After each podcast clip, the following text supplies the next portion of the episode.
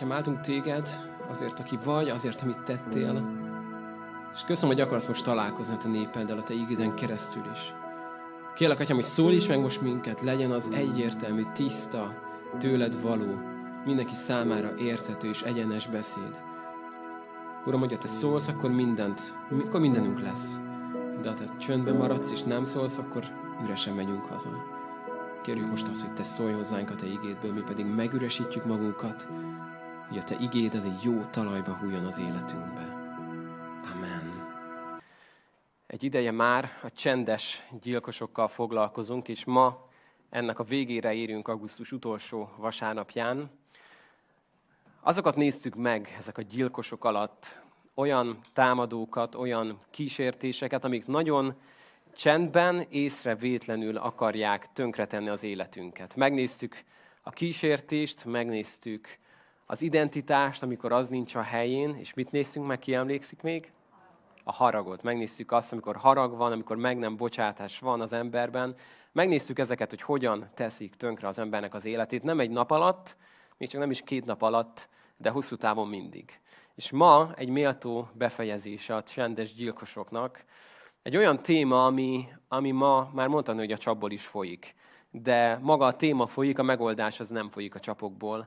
És ez a téma, amivel ma foglalkozunk, ez a depresszió néven ismert mai jelenség, ami nem mai jelenség, hanem ami öröktől létező. Amióta ember van, azóta hívhatjuk ezt végső elkeseredésnek, csüggedésnek, céltalanságnak, kilátástalanságnak, reménytelenségnek, amikor ez megjelenik az ember életében. Ezzel fogunk ma foglalkozni.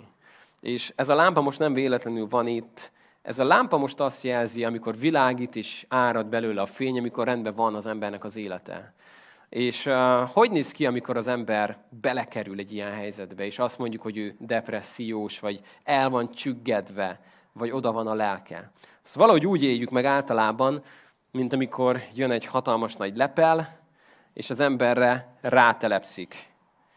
És volt fény, nincs fény hogyha én most ide belenézek alulra, akkor nem sok mindent látnék, mert ez egy nagyon vastag anyag, átlátható, átláthatatlan, áthatolhatatlan. És az ember úgy érzi belülről, hogy kívülről már nincs semmi, nem?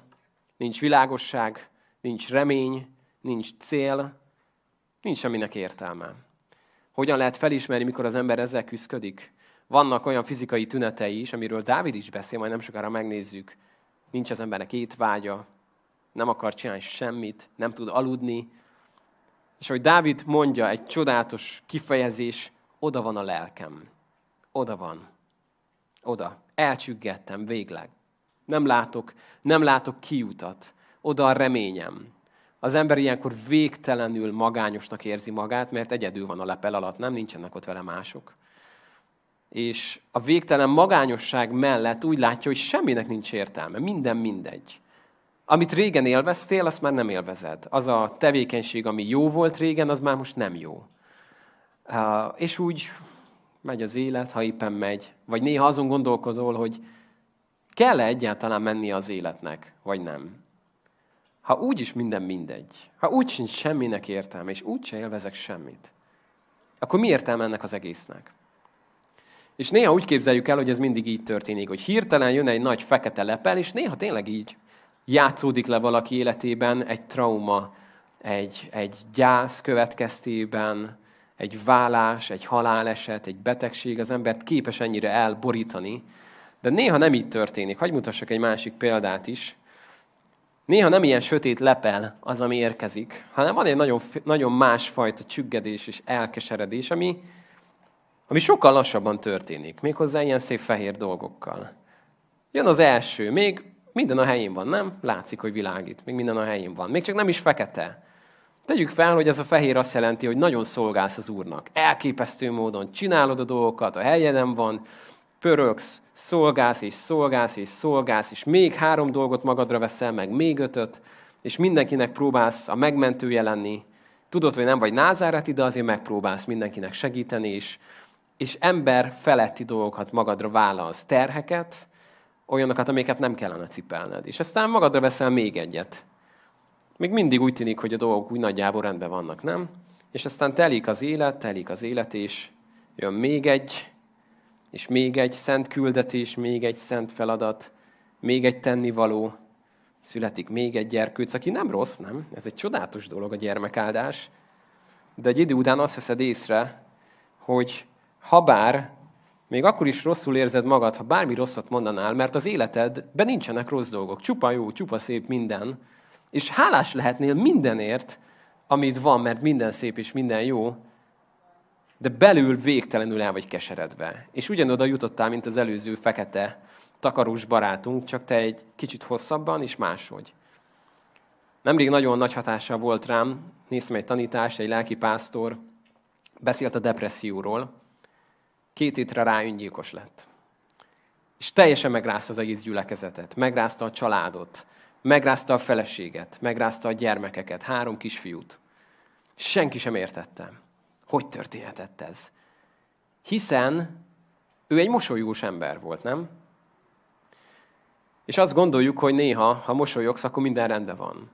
Ha már elég sokat éltél a világon, akkor tudod, hogy ez nagyon messze van az igazságtól. Azt mondja a Biblia, hogy nevetés közben is fájhat a szív. Nevetés közben is fájhat a szív.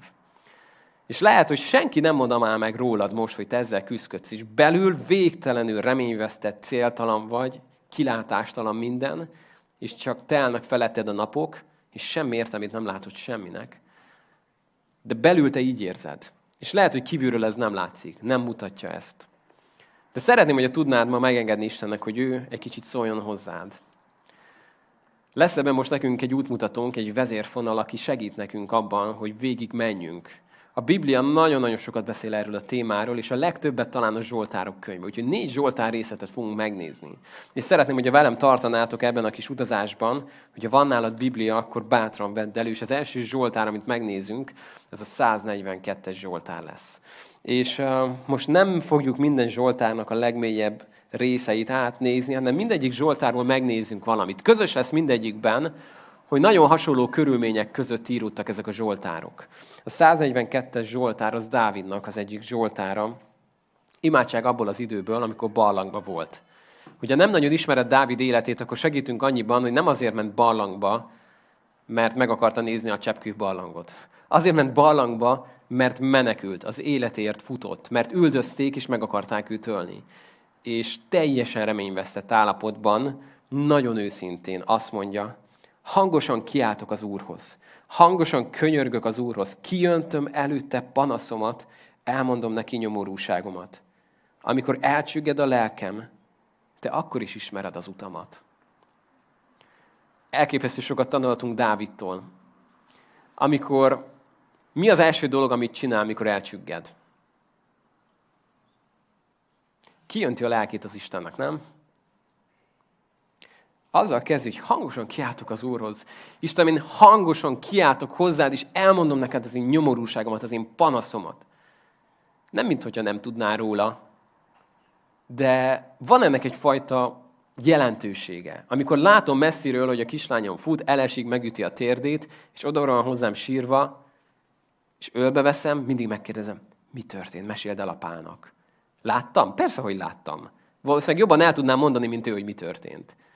De meggyászolja a fájdalmát azzal, hogy elmondja nekem. Képzeld, apa, futottam, és jött az a gyökér, mármint az a fa, nem, nem valaki, és jött, és megbotlottam benne, és elestem. És nagyon fáj, és itt kell megpuszilni most. És van ennek egy jelentősége. Mondhatnám azt, hogy jó van, nem mondjad már, úgyis tudom, minek mondod, nem? De meg kell hallgassam, neki meg el kell mondania. És hadd kezdjem ma ezzel, hogyha ilyen helyzetben vagy, akkor Istennek meg kell hallgatnia, neked meg el kell mondanod. Mondhatnád, hogy de úgy is tudja, nem? Mi értelme van annak, hogy elmondjuk? Óriási. Ifi táborban minden reggel voltak kis csoportok, és valahogy a fiúk kis csoportjai általában kicsit hamarabb értek véget, mint a lányoké. És amikor így látom, hogy a fiúk már elvannak, már fociznak, játszadoznak, benézek a lányokhoz, és azt látom, hogy zsebkendő hiány egy ilyen hatalmas konyhai törlőt adnak körbe, amiben már alig maradt valaki, és mindenkinek szét van sírva a szeme, és nagyon boldogok. Azzal, hogy elmondták mindazt, ami bennük van, és elsírták egymásnak a panaszukat, és ez nagyon fontos. Úgyhogy itt Dávid egy nagyon fontos dolgot tesz először. Elmondja az Istennek, és azt mondja, egy fantasztikus mondat, amikor elcsügged a lelkem, te akkor is ismered az én utamat. Szóval azt mondja Dávid, hogy attól, hogy én el vagyok éppen csüggedve, te nem. Attól, hogy én nem látok előre, te még igen. Attól, hogy én ködbe vagyok és sötétségbe vagyok, te nem vagy. Egy mondat egyszer felkerült az egyik igekártyámra, és nagyon sokat jelentett ez akkor, amíg valaki, nem, nem is tudom már kiírta. Úgy szól, hogy amikor sötétségben vagy, ne kérdőjelezd meg azt, amit Isten mondott a világosságban. Amikor sötétségben vagy, ne kérdőjelezd meg azt, amit Isten mondott a világosságban. Mert attól, hogy te éppen nem látsz ki innen, attól, hogy te éppen azt hiszed, hogy mindennek vége, attól az Isten nem így látja. És azt mondja Dávid, hogy amikor elcsügged a lelkem, te akkor is ismered az én utamat, Istenem. És nézd meg, mit mond. Törtvetettek nekem az ösvénye, melyen járok. Tekints jobb kezem felé, és lásd meg, senki nem akar észrevenni. Elveszett minden menedékem, senki sem törődik velem. Emlékszel arra, hogy azt mondtuk, hogy az egyik jellemzője ennek az időszaknak a magány. Azt mondja Dávid, Isten, nézzél már körül, nézd meg, senki nincs velem, senki nem törődik velem. Elveszett minden reményem, senki nem törődik velem ezen a világon. Ez a mondat nagyon sokszor nem igaz, csak így érezzük. De tegyük fel, ha még igaz is, és azt mondhatod, hogy az ég világon senkit nem érdekel az életed. Senkit nem érdekel, hogy meghalsz, vagy élsz, jól vagy, vagy rosszul vagy. Ez egy borzasztó állapot, mert az ember nem arra van teremtve, hogy így éljen, hanem közösségi lények vagyunk. Dávid ezt éli át. Istenem, senki nem törődik velem. Nincsen senki mellettem. És nézd meg a folytatást. Hozzád kiáltok, Uram, és ezt mondom. Te vagy az oltalmam. Te vagy az osztályrészem az élők földjén. Figyelj esedezésemre, mert igen nyomorult vagyok. Ments meg üldözőimtől, mert hatalmasabbak nálam. Hozz ki engem a börtönből, hogy magasztalhassam nevedet. Körém serelgenek majd az igazak, mikor jót teszel velem elkezd hittel a jövőben nézni, és azt mondja, hogy Uram, én hiszem azt, hogy eljön majd az az idő, amikor jót teszel velem. És akkor lesznek körülöttem majd igazak, és akkor majd minden szép is jó lesz. De most megvalom azt, hogy te vagy az én oltalmam, Istenem. Amikor senki nem törődik velem, amikor senki sincs velem, amikor egyetlen ember se jön oda hozzám, hogy mi újság veled, hogy vagy. És van az életben ilyen időszak, és azt mondja Dávid, akkor is te vagy az én oltalmam. Te vagy az, akihez kiáltok. És te vagy az, akinek elmondhatom azt, hogy ha körülnézek, akkor az üldözőim nagyobbak nálam. Hatalmasabbak nálam. Ez egy nagyon nehéz időszak, mikor körülnézel, és azt látod, hogy azok a problémák, amik körülvesznek téged, azok nagyobbak, mint te. Néha az a bajunk, hogy sok apró probléma van körülöttünk, de van olyan, van olyan mélység az életben, amikor körülnézel, és azt mondod, ez a probléma, ez nagyobb, mint én mit évő legyek. Hát ezt nem tudom megoldani. Ezt nem tudom megoldani. Amikor látsz egy problémát, ami nagyobb, mint te, akkor az mutat valamit. Azt mutatja meg, hogy van egy Isten, aki még annál is nagyobb. Mert ő megígérte azt, hogy nagyobb az, aki bennetek van, mint aki a világban van. Képzeld el, hogy azt mondom neked, hogy elmegyünk egy, nem tudom, most volt a Kecskeméti repülőnap, elmegyünk a Kecskeméti repülőnapra, és van egy repülőm, és enyém a legnagyobb repülő az egész kifutó pályán, tegyük fel, jó? És hogy sétálunk a kifutó pályán, és meglátsz egy, nem tudom, MiG-29-est, kicsinek tűnik, de közelről elég nagy, azt mondod, ez a tied? Nem, nagyobb. És meglátsz egy katonai szállítót, és azt mondod, oh, hát ez hatalmas, mekkora ez a repülő, és azt mondom, nem, ez nem az enyém. Vagyis az enyém nagyobb lesz ennél. Meglátsz egy óriási Antonov repülőt, hatalmas szárnyakkal, alig látod elejétől a végét, és azt mondod, ez kell, hogy legyen az. Ez lesz a tied az Antonov. És mondom, nem. Mivel azt mondom, hogy ez nem az enyém, ez azt jelenti, hogy az enyém még ennél is nagyobb lesz. És amikor Isten azt mondja, hogy ezen a világon, a kifutópályán nem fog olyan dolog szembe jönni veled, ami nagyobb, mint ő. Mert nincs ilyen. Bármit látsz meg ezen a világon, ami rémisztően nagy, az egy bók az Istenre nézve, hogy ő ennél, ennél nagyobb. És meglátsz egy Antonov típusú problémát az életedben, és azt mondod, hogy wow, ha ekkora problémám, akkor mekkora lesz az Istenem, aki azt mondta, hogy ennél nagyobb. Mert ő mindig nagyobb, ő mindig a győztes, ő a mindenható. És ezt mondja Dávid, hogy Uram, az üldözőim azok nagyobbak, mint én, de én hozzád kiáltok, mert te vagy az én oltalmazom. És előre néz hittel, és azt mondja, hogy hiszem azt, hogy majd jót teszel velem. Most még nem ott vagyok. Most még ott vagyok, hogy nem tettél jót, és itt vagyok, és menekülök, és adtál egy ígéretet, hogy milyen jó, mert kiválasztottál királynak, és szíved szerint való vagyok, most meg üldöznek engem ok nélkül. De tudom azt, hogy eljön majd az az idő, mikor jót teszel velem.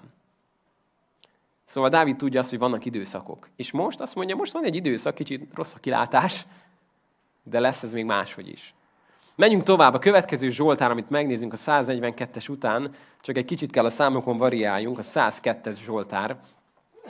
És egy nagyon-nagyon-nagyon hasonló Zsoltár lesz, de egy kicsit másabb oldalról fogja meg. Úgy indul ez a Zsoltár, a nyomorult imádsága, amikor elcsügged, és kijönti panaszát az Úr előtt. Ez a nyomorult embernek az imádsága. És hogyha tudsz ezzel néha kapcsolódni, akkor azt jelenti, hogy, hogy lehet, hogy ugyanezek vannak benned, mint ebben az emberben. Figyeld, hogy mit mond. Hallgass meg, Uram, imádságomat, jusson hozzád kiáltásom. Ne rejtsd el előlem orcádat, a szorult helyzetbe vagyok. Fordíts felém füledet, ha kiáltok, siess és hallgass meg engem. Mert elmúlnak napjai, mint a füst, ízzanak csontjai, mint a parázs. Szívem olyan, mint a levágott és elszáradt fű, még az evésről is elfelejtkezem. Emlékszünk, mikor arról beszéltünk, hogy elmegy az étvágy? Azt mondja, még az evésről is elfelejtkezem. Hangos jajgatásom közben húsom a csontomra száradt. A pusztai pelikánhoz hasonlítok, olyan vagyok, mint bagolya romok közt. Álmatlan vagyok. Emlékszünk, álmatlanság. Magányos, mint a madár a háztetőn. Minden nap gyaláznak ellenségeim, csúfolóim, átkoznak engem. Hamut eszem kenyérgyanánt, italomat könnyekkel keverem. Háborgó haragod miatt, mert fölemeltél és eldobtál. Napjaim olyanok, mint a megnyúlt árnyék, én pedig elszáradok, mint a fű. De te, Uram, örökre megmaradsz. Nemzedékről nemzedékre emlegetnek. Indulj Ilgaromra a Sion iránt, mert ideje, hogy megkegyelmez neki. Itt van már az ideje. Még a köveiben is gyönyörködnek szolgái, de porán is szánakoznak. Félig majd, Uram, nevedet a népek, és a föld királyi dicsőségedet, amikor felépíti Siont az Úr, is megjelenik dicsőségesen törődik a gyámoltalanok imádságával, nem veti meg imádságukat. Meg kell ezt írni a jövő nemzedékeknek, hogy dicsérje az Urat az újjáteremtett nép. Mert letekintett az Úr a szent magasságból, lenézett a mennyből a földre, hogy meghallja a foglyok sóhajtását, és megszabadítsa a halára ítélteket. Egy nagyon fontos dolgot tanulunk meg itt az Istenről. Azt mondja ez az ember, hogy nyomorult vagyok megtört szívű, el vagyok csüggedve, nem akarok enni, nem tudok aludni, magányos vagyok. Szóval nem a legjobb állapotomban vagyok. De mond egy nagyon-nagyon fontos alapigasságot, amit nagyon sokszor elmond a Biblia, hogy az Úr közel van a megtört szívűekhez. Hallottad már ezt? Hogy az Úr közel van a megtört szívűekhez. Ez nem természetes. Amikor Isten elmondja, hogy ő kihez tud közel lenni ezen a világon, építette volna fel úgy az országát, hogy azt mondja, közel vagyok ahhoz, aki Jeruzsálem legszentebb helyén fog hozzám imádkozni. Közel vagyok ahhoz, aki meg tudja fizetni azt, hogy oda menjen, és nem tudom, elképesztő vagyonnal rendelkezik ahhoz, hogy bebiztosítja magát egy adott helyre, ahonnan, ha valaki imádkozik, arra oda fogok figyelni, arra, ha azon az egy széken ül az egy nagyon drága szék lenne ezen a világon, és te meg én soha az életben nem ülhetnénk rá. Mert az életben nem lenne annyi pénzünk, hogy te és én arra székre leülhessünk. Ha azt mondaná Isten, hogy van egy szék Jeruzsálemben, amire ha leülsz, ott majd meghallgatlak, és ott majd közel leszek hozzád. De az Isten máshogy építette fel az ő országát, és azt mondta, ezen a világon közel vagyok a megtört szívűekhez. Közel vagyok azokhoz, akik elcsüggettek. Nem vagyok távol tőlük amikor megtört a szíve valakinek, amikor minden reménye oda, és amikor ilyen állapotban vagy, mint ez az ember, hogy nyomorult ember imádságát mondja el, azt mondja, hogy ez Isten letekintett az égből, azért, hogy meghallja az én imádságomat. Az az Isten, aki hallgathatná egész nap a csillagoknak az énekét, aki nézhetné a bővülő univerzumot, és olyan, olyan csillagokat nevezett el, amikről mi még azt se tudjuk, hogy léteznek, olyan messzeségekben vannak tőlünk. Ő azt mondja, letekintek erre a kis parányi bolygóra, a földre. Megkeresem benne azt a kis parányi országot, Magyarországot. Azon belül is azt a parányi kis várost, Pécelt, vagy épp ahonnan jöttél. Ott azt a kis parányi házikót, aminek lehet, hogy éppen a konyhájában ott zokogsz. És azt mondja az Isten, hogy ott vagyok. Közel vagyok hozzád. Mert ilyen az Isten. Döntetted volna úgy, hogy Kit érdekel engem az, hogy egy jelentéktelen ember egy konyapulton, vagy épp lent a pincében, a műhelyben neki dőlve a szerszámoknak sír. Elkeseredett, reményvesztett. Mit érdekel az engem? Kicsit távolabbról nézem, már nem is látom. Már a házát se látom, már a városát se látom, már az országot se látom. Mint amikor valami zaj van a kocsiban, és felveszed a rádiót, és már nem is hallod. Megszűnt. De azt mondja az Isten, nem. Oda megyek, leszállok az égből, hogy meghallom őt. Mert közel vagyok a megtört szívűekhez. És amikor ilyen állapotban vagy, akkor azt gondolhatnád, hogy Isten nagyon messze van tőled. Mert szégyelled magad. Általában ilyenkor párosul a szégyen, a bűntudat, a vádlás, nagyon sok érzés van itt a lepedő alatt. De azt mondja az Isten, nem, én közel vagyok hozzád. És menjünk tovább, van még két Zsoltár, amit szeretném, hogy a nagyon-nagyon röviden meg tudnánk nézni. Az egyik a 143-as Zsoltár. Amikor arról fog beszélni, nagyon-nagyon hasonló dolgokért Dávid, úgy kezdődik, hogy könyörgés szabadításért. Uram, hallgassd meg imádságomat, figyelj könyörgésemre. Hallgass meg, mert hű és igaz vagy te. Ne szállj perbe szolgáddal, hiszen egy élő sem igaz előtted. Ellenség üldöz engem, földre tiporja életemet, sötétségbe taszít, mint a régen meghaltakat. Lelkem elcsügged bennem, szívem megdermed bensőmben. Visszaemlékezem a régi napokra, végig gondolom minden tettedet. Elmélkedem kezed alkotásain. Imádkozva nyújtom felét kezem, lelkem utána deped, mint a kiszikkat föld. Siess, Uram, és hallgass meg, mert oda van a lelkem. Mondja Dávid, akiről azt olvassuk, hogy Isten szíve szerint való ember. Lehet ilyen, hogy oda van a lelke? Mennyire mély ez a mondat, mikor valaki azt mondja, hogy oda van. Oda van a lelkem. És mi az, amit csinál Dávid? Elmondja Istennek ezt, és figyeld, mit csinál. Azt mondja, visszaemlékezem a régi, napokra, végig gondolom minden tettedet. Szóval amit csinál az az, hogy azt mondja, hogy most minden sötét, most minden rossz, most minden szörnyű körülöttem, de álljon meg a menet, nem volt ez mindig így. Mit is tett velem az Isten tavaly? Álljon meg a menet. Jönnek az üldözőim, de egy góliátot fejeztem le nem olyan régen. Ugyanilyen reménytelen helyzet volt. És úgy nézett ki, hogy fel fog falni engem. De oda mentem az élő Istennek a nevében, és aznap góliátok hultak el. És hogy elkezd ezeken gondolkodni, Dávid azt mondja talán magában, hogy nem is olyan reménytelen már ez a helyzet, nem? Mennyire reménytelen helyzet volt az ott, az a csata. De az Isten megáldott engem. Vagy mennyire megijedtem, mikor a bárányokra vigyáztam gyerekként, és hallom, hogy jön egy oroszlán. És azt mondtam, hogy itt vége mindennek. Egy gyerek fiatalon fog meghalni. De azt mondtam, hogy az élő Isten nevében, te oroszlán, én most ellened megyek. A vörös tengert ketté választotta, én meg téged foglak. Úgyhogy most próbáljuk meg. És működött. És az Isten megmentett. És azt mondja Dávid, kezdek emlékezni ezekre a dolgokra. És figyeld, mit csinál még? Elmélkedem kezed alkotásain. Na ez az, amit a mai ember nagyon ritkán tesz. Egész nap bent vagyunk négy falon belül, beülünk egy kocsiba, beülünk egy házba, beülünk egy kávézóba, vissza kell egy kicsit szokjunk oda, hogy kiülünk egy tópartra, elmenjünk egy erdőbe. Nekem néha nagyon-nagyon sokat segített, mikor nagyon mélyen voltam, elmentem sétálni az erdőbe. Nem vittem magammal telefont véletlenül sem. És hogy sétáltam az erdőben, és leültem egy fa mellé, és csak néztem, ahogy mennek a hangyák, ahogy cipelnek egy morzsát, hogy mit csinálnak, hogy hogy száll le egy kacsa a tóvizén, és elkezdtem gyönyörködni abban, amit Isten csinált. És azt láttam, hogy te jó ég, Uram, hát ez mennyire fantasztikus, amit te csináltál. És ha a teremtett világot így megalkottad, akkor ha ezt így rendbe tartod, akkor, akkor lehet, hogy az én életem is ott van előtted, és a kezedbe vagyok. És elkezded bátorítani. És ez az, amit Dávid itt megmond. Azt mondja, siess, Uram, kélek, hallgass meg, jöjj, oda van a lelkem, de folytatja. Ne rejtsd el orcádat előle, mert olyan leszek, mint a sírba szállók. Hadd halljam minden reggel, hogy hűséges vagy, hiszen benned bízom. Hadd halljam minden reggel, hogy hűséges vagy. A megvallásuk ereje. Ha ilyen korszakban vagy, meg kell tanulnod azt, hogy minden reggel halld azt, hogy Isten hűséges. Ha van egy barátod, aki minden reggel fel fog téged hívni, és azzal fogja kezdeni, jó reggelt! Szeretném neked elmondani azt, hogy az Isten hűséges, és nem felejtkezett meg rólad. Szeretném azt elmondani neked, hogy az Isten megtartja az ígéretét. Akkor nagyon jó.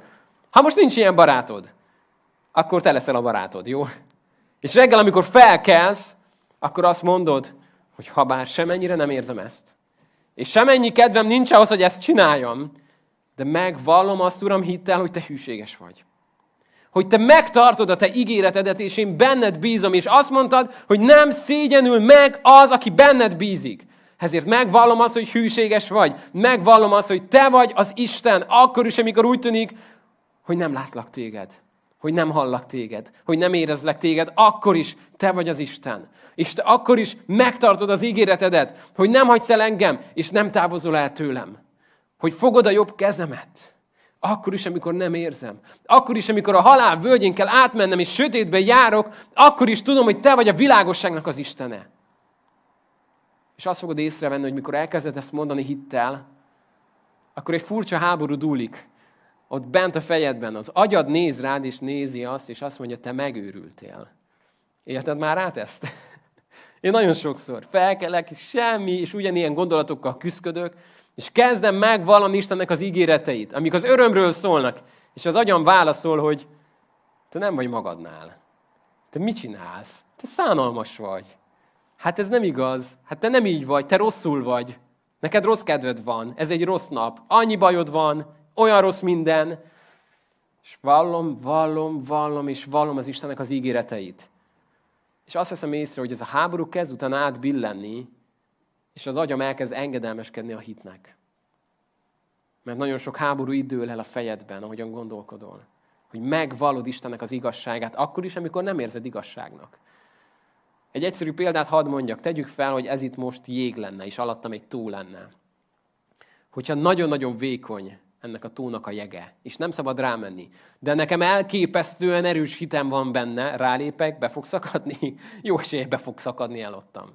Utána tegyük fel, túl vagyok egy tüdőgyulladáson, és visszajövök egy hónap múlva. És azt mondják, hogy nagyon vastag a tónak a jege. Bátran rámeltek, sőt, ugráljak, menjek markolóval, bármit csináljak, nem fog beszakadni. De én nagyon rettegek, mert nemrég belestem a tóba. Attól, hogy rettegek és rálépek, be fog szakadni az a nagyon pici hit is elég lesz, mikor rámegyek arra a jégre, az a mustármagnyi is, ha a jég megtart. Mert nem azt számít, hogy milyen erősen hittél benne. Ha nagyon erősen hiszel valamiben, attól az még nem lesz igaz, ha az nem igaz. Ha nagyon erősen hiszel más vallásokban, attól, hogy nagyon mélyen hiszel benne, még nem fog működni. Nemrég kérdezte valaki tőlünk, hogy ha nagyon erősen hinne az unikornisban, az ugyanannyit érez a hite, mint ha Istenben hinne. És mondtuk, hogy nem, szerintünk nem. Mert az unikornisnak a jege az nagyon vékony. De az a jég, amit az Isten létrehozott, az megtart. És hogy a félbe lépsz rá, akkor is megtart. Ha nagyon kicsi hittel lépsz rá, akkor is megtart. Mert az Isten ígérete az valóság. És az utolsó Zsoltár, amit megnézünk, a hatodik Zsoltár, egy méltó befejezése a Zsoltároknak, amiket ma előveszünk. Nem lepődünk meg, de ez is Dávidnak a Zsoltára. Uram, ne fegy meg haragodban, ne ostoroz indulatodban. Kegyelmez, Uram, mert elcsüggettem. Gyógyíts meg, Uram, mert reszkednek tagjaim. Lelkem is csupa reszketés. És te, Uram, te meddig késel? Fordulj hozzám, Uram, ments meg életemet, szabadíts meg, mert irgalmas vagy. A halál után nem emlegetnek téged, ki ad hálát neked a sírban? Belefáradtam már a sóhajtozásba. Egész éjjel könnyekkel áztatom ágyamat, könnyeimmel öntözöm fekvőhelyemet. Szemem elhomályosodott már a bánattól. A fénye megtört mások ellenségem miatt. Micsoda állapot már, amikor már azt mondod, hogy már megtört a szememnek a fénye. Már annyit sírtam, hogy már belefáradtam. Már a sóhajtozásba is belefáradtam. És hogyha érzed így az életednek valamelyik területét, hogy már annyit zokogtam miatta, már annyit könyörögtem miatta. Már belefáradtam. Már a szemem fénye is oda lett. És már nem bírom tovább. Figyeld, hogy hogy folytatja Dávid. Szerintem itt nem egyből folytatta. Szerintem itt egy jó ideig vagy megint sírt, vagy csak csöndbe volt, vagy csak az Úrra figyelt, nem tudom. De egy elképesztő váltás jön a következő vers. Távozzatok tőlem, minti gonosztevők, mert meghallotta az Úr hangos sírásomat. Meghallgatta könyörgésemet az Úr, imádságomat elfogadta az Úr.